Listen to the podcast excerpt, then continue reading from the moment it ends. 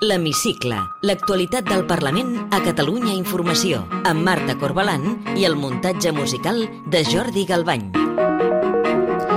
Sense sorpreses, no hi haurà cap candidat a la investidura per rellevar Quim Torra després de ser inhabilitat. El president del Parlament, Roger Torrent, ha acabat aquesta setmana les consultes amb els grups i ningú no s'ha postulat. Per tant, a partir d'ara, s'activa el compte enrere electoral. Els comicis seran, tal com s'havia anunciat, el 14 de febrer. Avui entrevistem la presidenta del grup de Catalunya en Comú Podem, Jessica Albiach. Benvinguts a l'Hemicicle. Com que no hi ha candidat, el president del Parlament declararà vacant la investidura. Ho farà dimecres que ve i a partir d'aleshores s'engegaran els dos mesos de termini que marca la llei fins a la dissolució automàtica del Parlament. Passats aquests dos mesos, les eleccions es faran 54 dies després, per tant, el 14 de febrer.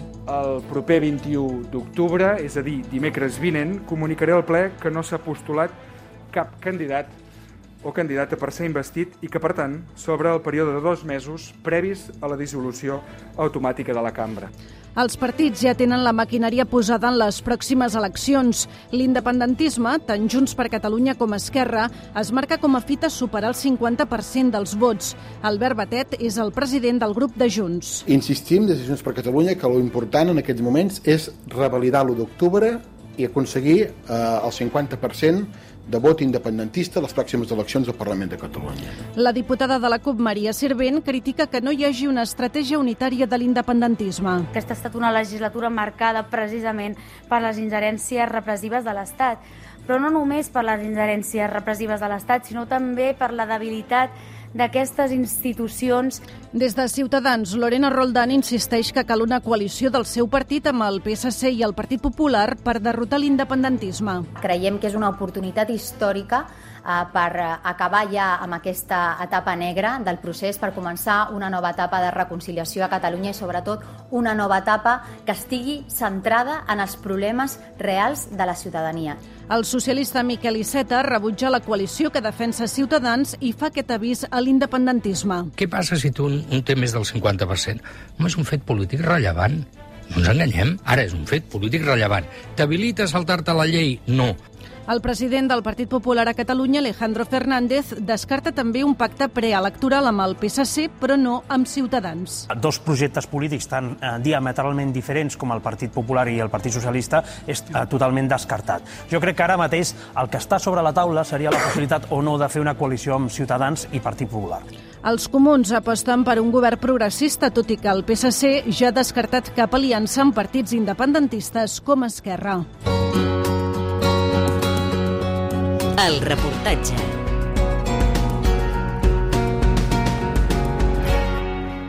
Aquesta setmana ha fet 80 anys que el règim franquista va fusellar el president de la Generalitat, Lluís Companys. El Parlament i el govern van voler retre-li un homenatge en un acte a l'auditori de la Cambra Catalana, un acte que es va convertir en un clam contra la repressió i en favor de l'amnistia dels presos independentistes, coincidint amb el primer any de la sentència del procés. Companys, si coneixeu Pere Aragonès, vicepresident del govern en funcions de president. Els seus ideals i els de la resta de ciutadans cap al seu compromís van patir la duresa del franquisme segueixen ben vius. A tots ells, a totes elles, els hi devem el nostre compromís polític. Els hi devem també aconseguir les llibertats i l'amnistia també avui dels nostres companys presos polítics que fa un any van ser condemnats de forma injusta a 100 anys de presó. Esther Capella, consellera de Justícia. El govern espanyol té sobre la taula l'oportunitat de desmarcar-se del passat i retornar els conflictes polítics a la política. Facin que les seves filles i els seus fills se sentin orgullosos de vostès i aprovin una llei d'amnistia. Lluís Companys va escriure aquesta carta de comiat a la seva estimada esposa. Esposa meva, la més bona i estimada de les esposes, t'escric a la vella del Consell de Guerra. Roger Torrent, president del Parlament. Per Catalunya i el que representa de pau, justícia i amor. Així acabava el testament que va escriure hores abans de ser afusellat. Així ha de començar qualsevol projecte de país. Siguem dignes hereus del seu llegat. El teu retrat el portaré amb mi. i el darrer pensament serà per tu i els meus fills, amb l'amor a Catalunya. Te besa el teu espòs, Lluís. Avui, al Parlament, posem el zoom sobre... Una delegació de diputats del Parlament ha anat aquesta setmana al Congrés a demanar que retornin els diners confiscats durant la Guerra Civil i el franquisme. Es tracta d'una proposició de llei impulsada pel PSC i que va ser avalada per tots els grups de la cambra catalana durant l'anterior legislatura. Ara es començarà a tramitar al Congrés, després de superar el primer debat, amb els únics vots en contra de Vox i l'abstenció del PP. La proposta s'ha portat a Madrid perquè implica modificar la llei de memòria històrica. Hi figura el meu avi, Josep Pujol Ras, i també dos eh, oncles avis. Eh, bé, les quantitats que es van confiscar con, con, concretament el meu avi eren petitot, molt petitones, eh? eren poc més de, de, de mil pessetes, eh, i els meus oncles avis doncs una miqueta més.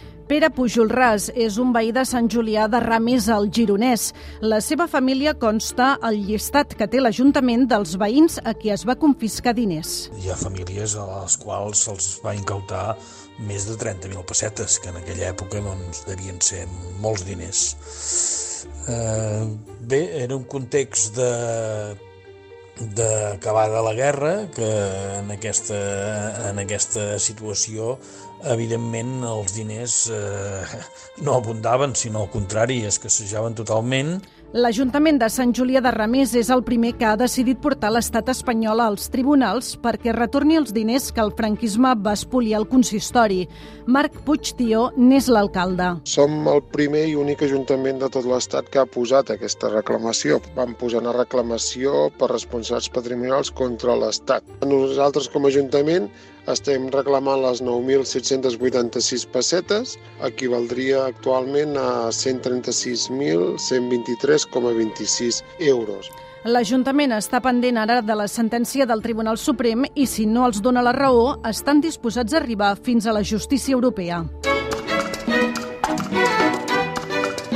Té la paraula soc la Jessica Albiach i sóc la presidenta del grup parlamentari de Catalunya en Comú Podem i també sóc coordinadora de Catalunya en Comú. Gràcies per atendre'ns a l'hemicicle de Catalunya Informació. Gràcies a vosaltres per, per convidar-me a, a aquesta entrevista. Aquesta setmana s'han disparat els casos de Covid a Catalunya. Què demanaria el govern i què demanaria la ciutadania per ajudar a frenar la pandèmia?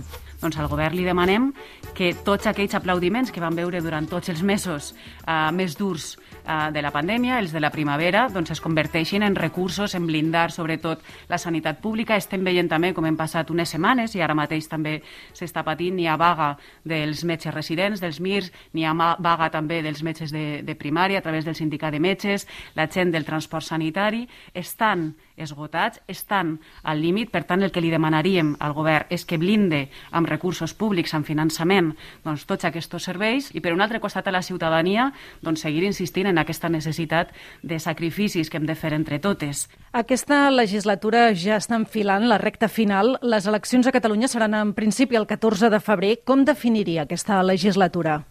Jo, per un costat, eh, considere, és una opinió molt particular, eh, però crec que és la legislatura final del procés i crec que aquestes eleccions que comenta vostè el 14 de febrer sí que inauguraran una nova etapa amb un nou govern per Catalunya. I per altra part també hem vist que ha sigut doncs, eh, per nosaltres un govern que no ha pogut resoldre els problemes i les necessitats de la ciutadania. El mateix president Torra, quan s'acomiadava, va dir que no s'havia avançat ni un mil·límetre en el terreny nacional, però tampoc en el terreny social ni en el terreny econòmic. L'independentisme es marca com a fita per a les properes eleccions superar el 50% dels vots. Si se superés aquesta barrera, veuria legítim que es fes un referèndum d'autodeterminació? Fixa't, nosaltres hem defensat el referèndum sempre. La ciutadania de Catalunya té dret a decidir i, per tant, ha de decidir com ha de ser aquest encaix entre Catalunya i Espanya, però no només amb això. També hem de decidir com volem que siga el nostre model de sanitat, el nostre model d'educació o el nostre model de dependència. En tot cas, portaran el referèndum al programa electoral. Nosaltres el portem des del principi del naixement del nostre espai polític i, òbviament, el continuarem portant. Ens situem ja després de les eleccions del 14 de febrer en un escenari hipotètic. El PSC ja ha descartat, en cas que fos possible, un govern tripartit amb vostès i amb Esquerra. Amb qui estarien disposats a pactar vostès? Sí, li he de dir que també és cert que després he escoltat també el senyor Iceta dir que tampoc veia pactar amb Ciutadans. És a dir, jo tinc la sensació de que eh, tenen una certa comoditat, estan a l'oposició. Nosaltres eh, hem nascut per ser una força de govern, estem governant a alguns municipis, alguns fins i tot importants, com pot ser Barcelona, estem al govern central i, òbviament, nosaltres, com que volem transformar eh, la realitat, doncs volem estar al govern. Però això no va eh, només d'amb qui, sinó va, sobretot, del què. I, per tant, nosaltres aquí sí que diem hem de resoldre aquesta crisi social, aquesta crisi econòmica. Tenim un desmantellament industrial a Catalunya que veritablement fa, fa fredat. Eh, tenim autònoms que no saben si podran tornar a alçar la persiana. Hem d'avançar en feminismes, en transició ecològica i, sobretot, en diàleg i en negociació també amb l'Estat. Aquesta setmana ha fet un any de la sentència del procés. Creu que el govern espanyol, del qual formen part, acabarà indultant els presos independentistes? Doncs eh, em costa que, que des del govern central s'està treballant tant en la part dels indults com també en la reforma del Codi Penal. Per tant, eh, els indults i la reforma del Codi Penal per revisar el delicte de sedició entenc que consideren que sí que ajudaria a destensar o ajudar a resoldre el conflicte català. Sí, la, la llibertat de, dels dirigents independentistes és un primer pas. No soluciona el conflicte, que portem arrossegant des de fa anys i que a més això ha d'acabar amb un acord votat pels catalans i les catalanes, però òbviament eh, amb la llibertat dels presos polítics jo crec que és molt més fàcil que avanci la taula de negociació, la taula del diàleg. Aquesta taula de negociació, aquesta taula de diàleg que ara mateix eh, comentava, eh, creu que eh, segueix viva o, o ja eh, està morta en el sentit que només s'ha reunit un cop des que es va crear? Doncs eh, és cert que està aturada, però nosaltres reivindiquem aquesta taula del diàleg, a més la portàvem també en el, en el programa electoral de les anteriors eleccions generals i crec que és imprescindible. Ha visitat o s'ha cartejat amb algun pres? Sí, sí, sí, sí. Jo tenia com una certa debilitat personal eh, amb, la, amb la Carme Forcadell Eh, I sí, sí, sí, hem, hem parlat, l'he visitat eh, diverses vegades. De quina llei se sent més orgullosa que el Parlament hagi aprovat? La negociació que nosaltres vam tindre i fer possible que Catalunya tingués pressupostos em fa sentir especialment orgullosa. No va ser gens fàcil. Sé que practica el ioga. Què li aporta el ioga a la vida? M'aporta aquests moments de poder aturar-te, de poder tindre la ment en blanc, de desconnectar, uh, de trobar-te a tu mateixa i sobretot de no perdre de vista quines són les prioritats. De petita eh, es va criar entre dones, la mare, la tieta, l'àvia i la besàvia. Com li ha influït això? Són dones eh, valentes, però sempre invisibilitzades, eh, sempre aguantant, no? sent el pilar de la família, de manera sacrificada, de manera discreta, tirant tot endavant, a més treballant dins i fora. I, i jo crec que m'ha influït a tindre bueno, aquesta empatia. I a mi me fa molta ràbia quan hi ha gent que diu que les dones competim entre nosaltres. Eh, per mi eh, la sororitat, la fraternitat entre nosaltres és clau. D'on li ve la seva debilitat per les tortugues? doncs no ho sé, jo crec que, que per mi les tortugues sempre han representat valors, no? com és la paciència, com és la saviesa, com és uh, potser no ho tens ara però arribaràs, uh, amb una certa calma, pensem, a mi me recorden molt els dinosaures, vull dir que també són unes supervivents, i jo crec que tots aquests valors que representen, eh, doncs jo els admire, i intente assolir-los. Això no vol dir que els hagi assolit ja, ni molt menys, ni de lluny, però crec que són un referent pel que fa a valors cap a on haurien de tendir. Quin és el seu paisatge favorit? Doncs mira, um, a mi m'agrada molt l'Albufera de València, jo crec que ahí en, el, en, en la Sora Baixa, no? quan està caent la tarda, a mi és un paisatge que, que també em genera molta tranquil·litat i després també n'hi ha alguns racons de la Costa Brava. Amb quin diputat o diputada que no sigui del seu grup compartiria una sobretaula distesa? Ai, a mi el senyor Iceta em fa molt riure. És, és, uh, jo crec que té una ironia fina. Uh, a mi em sembla una persona elegant, educada, culta, irònica, i crec que és un gust parlar amb ell. Té algun pecat confessable? No sabria dir-te. Eh, soc addicta a les olives. I ja per acabar, completi la frase següent. El que més m'agradaria del món és... Doncs potser si m'agafes en un altre moment te diria una altra cosa, uh, però crec que tal com estem, el que més m'agradaria del món és que trobessin ja mateix una vacuna i per un altre costat que no ens oblidés tot el que hem après uh, durant aquests mesos, no? que, que tenim una certa capacitat d'oblidar uh, allò que hem passat i crec que n'hi ha uns quants aprenentatges eh, necessaris d'aquests mesos. Jessica Albiach, presidenta del grup parlamentari de Catalunya en Comú Podem, gràcies per atendre'ns a l'hemicicle de Catalunya Informació. Moltes gràcies a vosaltres. Una abraçada.